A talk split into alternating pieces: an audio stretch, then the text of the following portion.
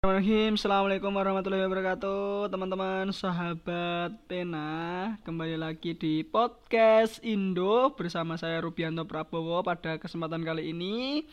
Saya kedatangan tamu nih. Namanya siapa mas? Kenalan sendiri. Oke sebelumnya Assalamualaikum warahmatullahi wabarakatuh. Shalom berkah dalam teman-teman. Nama saya Arsenius Olva Hedli Setiawan Atau biasa dipanggil Olaf.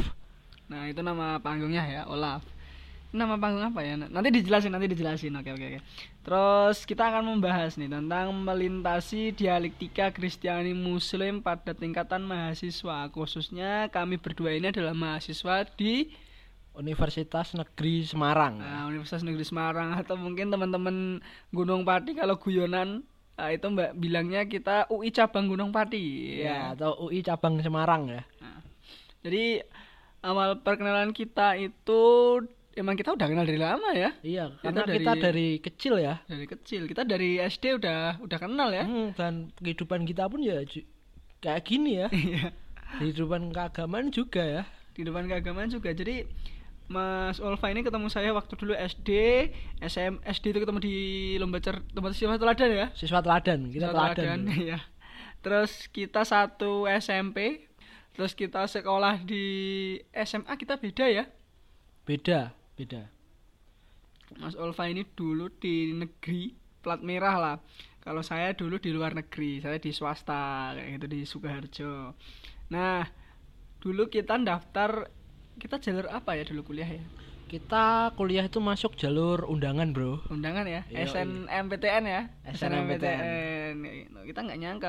Kalau dulu saya nggak lebih nggak nyangka lagi yang dulu saya SMK kok kalau Mas Elvan dulu SMA jadi lebih possible kayak gitu. I iya, saya nyangka tapi gimana ya? Ya awalnya nggak nyangka pasti. Terus kok keterima, ya udah saya nyangka, wah ternyata bisa. Iya, jadi baru sadar kayak gitu. Nah, iya. Soalnya dulu gini teman-teman, anak SMK itu stigmanya masih jauh dari kampus. Jadi kalau misalkan mau anak SMK masuk kampus itu sesuatu yang wah, kak bisa ya, kayak gitu. Nah, Padahal kan SMK kan jinglenya SMK bisa ya. Iya. Kamu harusnya percaya waktu itu. Iya dulu bisa bisa kerja dulu gitu. Nah terus kita dulu keterima di UNES kita bingung ya kalau setengah mati gitu Semarang jauh banget kayak gitu nggak tahu jalan. Iya. nah terus kan ini ya kalau Mas Alfa ini udah pernah ke Semarang belum sih? Belum pernah saya dulu belum pernah dulu ini uh, kita boncengan berdua romantis perjalanan dulu berangkat jam lima lima malam ya. Eh lima lima sore ya sore lima, ya? sore bro. Ah, berjalan dari lima jam lima sore terus kita sampai di UNES itu jam jam sebelas ya, malam. jam sebelas malam. Dan alhamdulillah alhamdulillah kita ini ya alhamdulillah puji Tuhan ya teman-teman ya. Kita sampai di UNES ya dan itu pun gimana ya melebihi ekspektasi kita ya UNES ya ternyata ya. ya.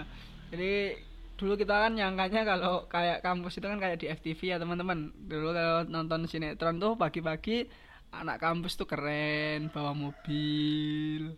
Iya dan ternyata tidak teman-teman sama aja kita sederhana lah ya dulu ya.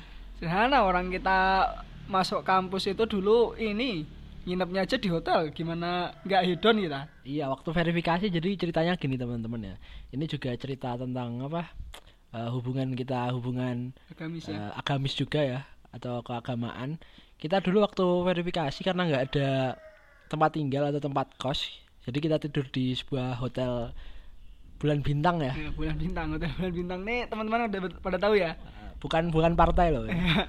Jadi hotel bulan bintang itu maksud kami adalah masjid. Iya.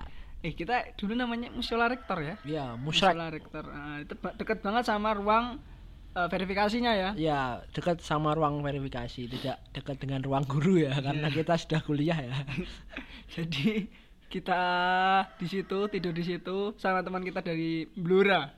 Oh iya, iya ya Blura ya. Blura kayak gitu. Terus kita ya kita ini ya mengalami sebuah sebuah ini ya sebuah pengalaman yang menurut saya apa ya sebuah pengalaman toleransi yang walaupun saya seorang Katolik saya diperbolehkan loh teman-teman untuk tidur di musrek ya waktu di itu musrek. musrek dan itu pun juga tidak mempengaruhi iman saya atau saya digebukin di sana enggak atau saya setelah tidur di masjid itu saya jadi mualaf enggak teman-teman tapi di sinilah yang namanya eh, sifat kemanusiaan kita atau rasa kemanusiaan kita itu tidak memandang agama, Agama. tidak memandang suku, dikasih tempat tinggal dan tidak ada yang mempermasalahkan. Indah sekali pokoknya. Jadi dulu kita nginep di musola itu, musola rektor.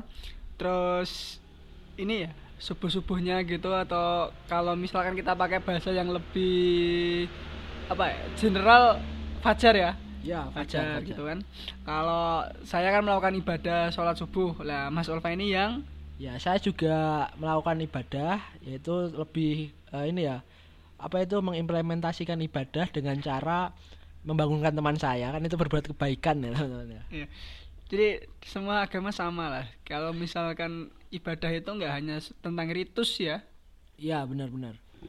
tapi ada juga tentang nilai-nilai kemanusiaan kayak gitu. Iya kan pernah ada juga eh, istilah bahwa Tuhan itu tidak hanya ada di gereja ataupun masjid, eh, tidak hanya ada di bangunan, tetapi juga ada di mana-mana. Nah, Dan itu bisa diartikan bahwa di mana-mana itu dengan kegiatan sosial kita, teman-teman ya.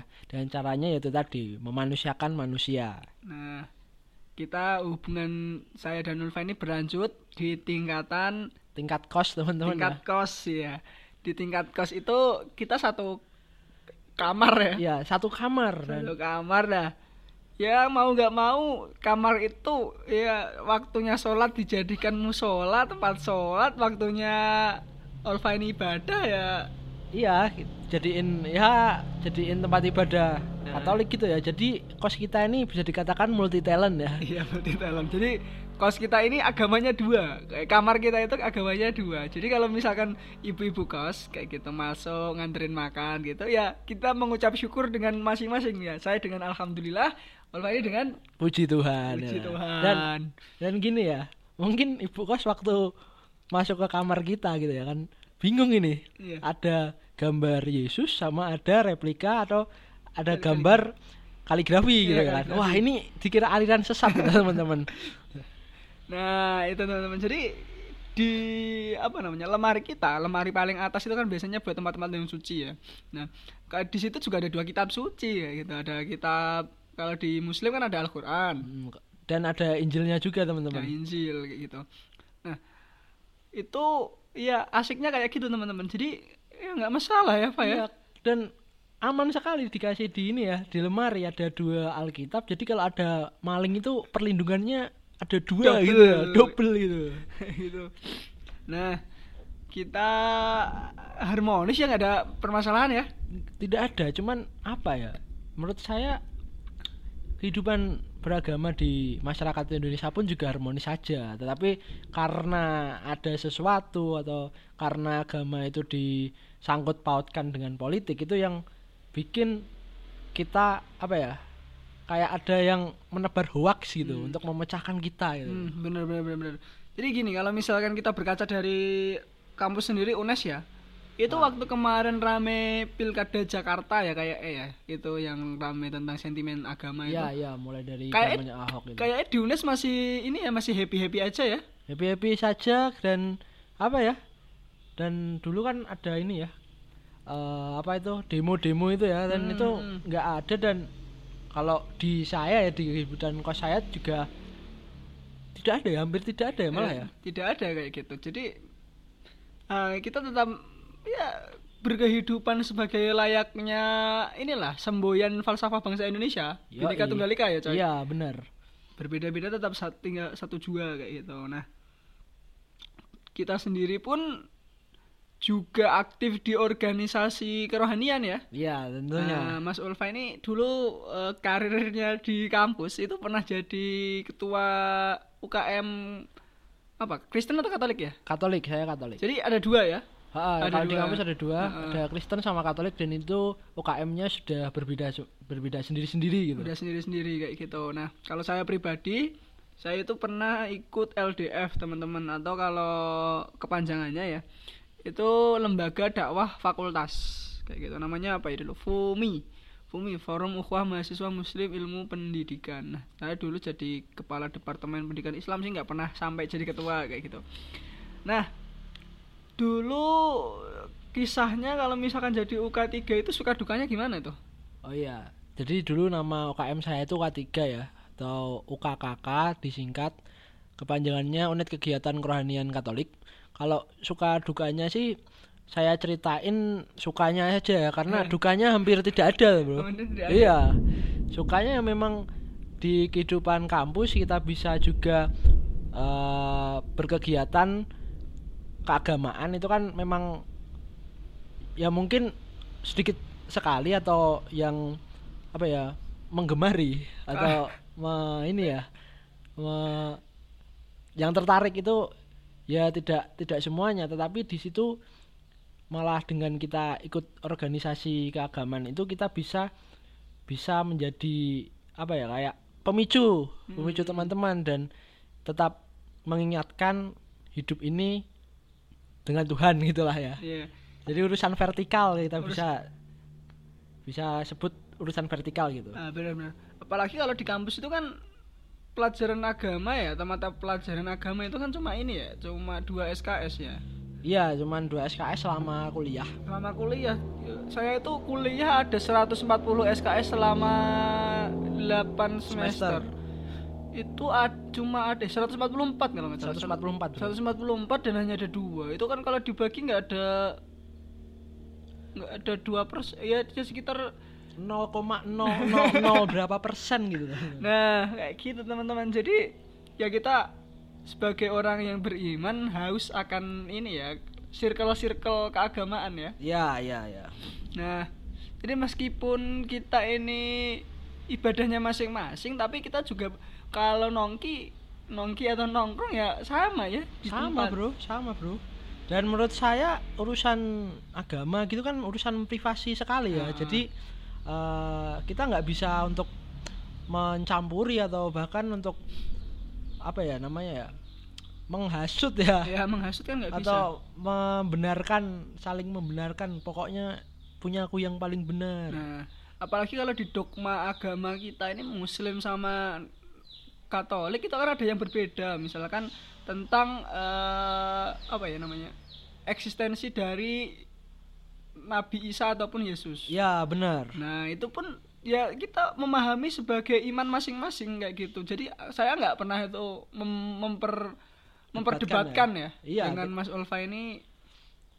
iya karena itu sudah kalau menurut saya memang kalau mau memandang atau eh, berkegiatan dengan manusia ya kita memakai kacamata manusia gitu. Jangan kita memakai kacamata agama. Misalkan kalau ada manusia yang berbuat radikal ya yang disalahkan manusianya jangan agamanya begitu teman-teman. Dan sebaliknya juga kalau kita mau uh, memandang atau mengetahui agama orang lain ya kita memakai kacamata kacamata ini apa ya agama tidak bisa kita memakai logika manusia begitu ya kan Iya, jadi apa ya?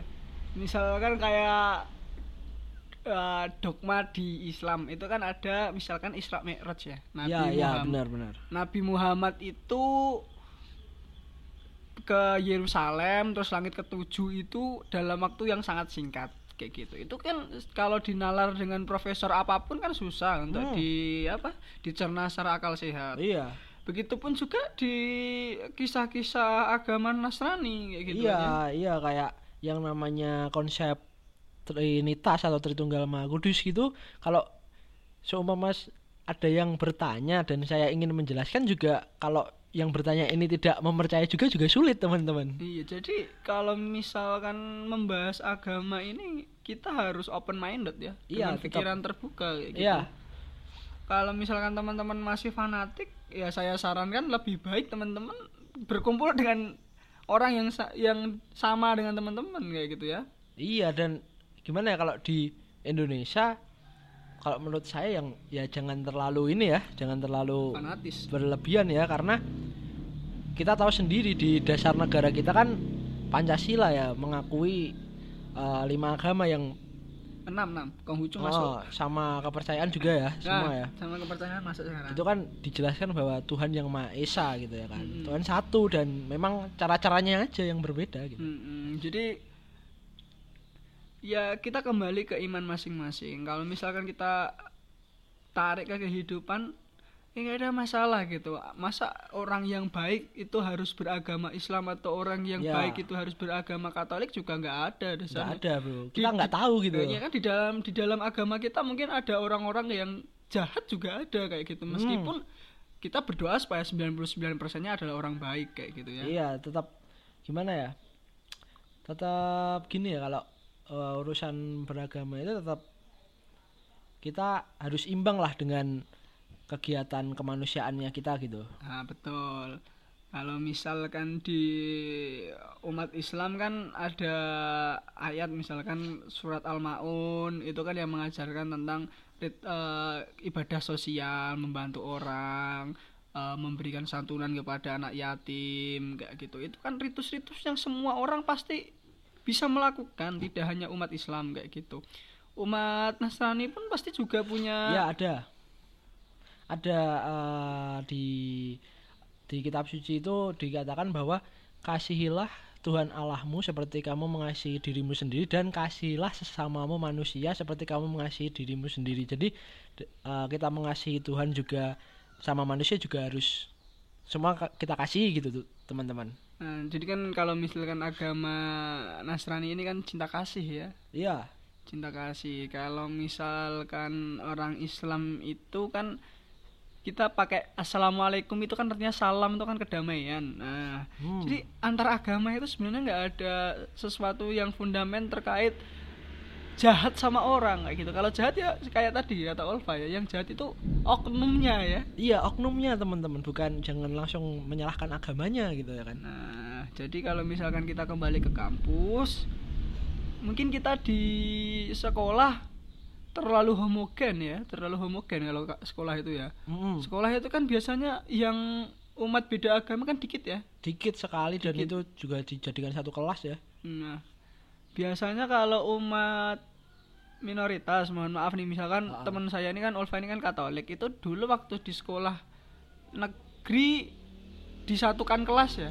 Di kelas A gitu misalkan. ya karena terlalu sedikit dan itu biar ini biar pelajaran agamanya biar gampang gitu loh. Biar, biar kalau bolos agamanya gampang kayak gitu kan. Enggak, kalau ya, niteninya gampang gitu loh, bro. Heeh, gitu. Terus masalah di organisasi kampus sendiri mungkin kalau yang ada ini ya ada tempat ibadahnya setahu saya kan cuma di ini 11 Maret ya? Oh iya itu keren sekali Keren itu ya. sekali itu kalau di Semua 11 Maret tuh. ya. Ada ada apa aja ya itu ya? Itu ada pura ada gereja ada masjid ada kelenteng juga ya. Ada kelenteng juga kayak gitu. Jadi kalau misalkan teman-teman kuliah di UNS atau 11 Maret itu insya Allah ini udah ada tempat-tempatnya untuk beribadah dari masing-masing agama. Cuma kalau di UNES sendiri ini ya kalau beribadah Islam ada sih masjid. Hmm. kalau di Nasrani gimana tuh? Ya kalau di kami sih setiap minggu pasti kita ke gereja ya, ke gereja ke daerah Semarang bawah ya nyebutnya, Iya, Semarang bawah karena UNES itu di atas ya. Dan kalau berkegiatan di kampus ya, kalau di UNES ini ini sih sayangnya masih kita masih mengusahakan satu ruangan untuk ruangan ibadah gitu. Jadi biasanya sih kalau kita sih ada yang namanya Jumatan ya kan. Iya. Itu ngumpul setiap Jumat dari mahasiswa Katolik ini untuk melaksanakan apa ya ibadah bareng ya berdoa bareng sama di situ ya kita juga sharing-sharing tentang iman juga. Begitu sih kalau di UNES. Jadi ada kayak apa ya kajian dan kongko agama lah. Ya ada kajian gitu lah ya. Ada kajiannya. Itu ya terkait keagamaan di Universitas Negeri Semarang tak rasa memang wah kita multi ini ya multi etnis ya multi sem- banyak agama. semua. Jadi kalau misalkan teman-teman di sekolah kan misalkan saya dulu sekolah di SMK Muhammadiyah 1 Sukoharjo itu udah orang Jawa semua terus orang Islam semua karena yayasannya yayasan Islam ya waktu kuliah melihat semacam Olva ini lagi dan teman-temannya saya kaget gitu.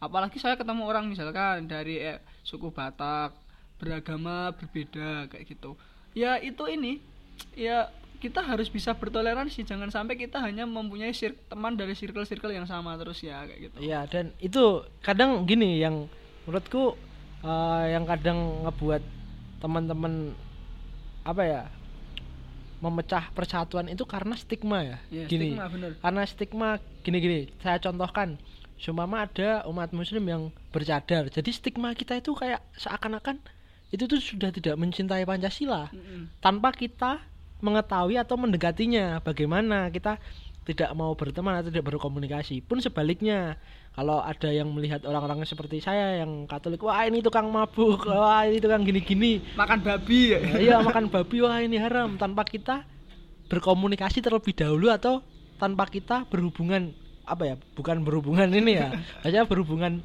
eh, menjadi teman gitu loh. Jadi menurut saya karena eh, kita terlalu cepat mengambil kesimpulan dan terjebak pada stigma-stigma itu tadi. Hmm, kan kalau kita katanya terus jari ini itu kan biasanya lebih cenderung ke negatif ya kayak gitu. benar-benar dan saya sarankan teman-teman itu eh, apa ya kenali dulu orangnya jangan langsung mengejudge lah ya Iya, intinya ya. kayak gitu.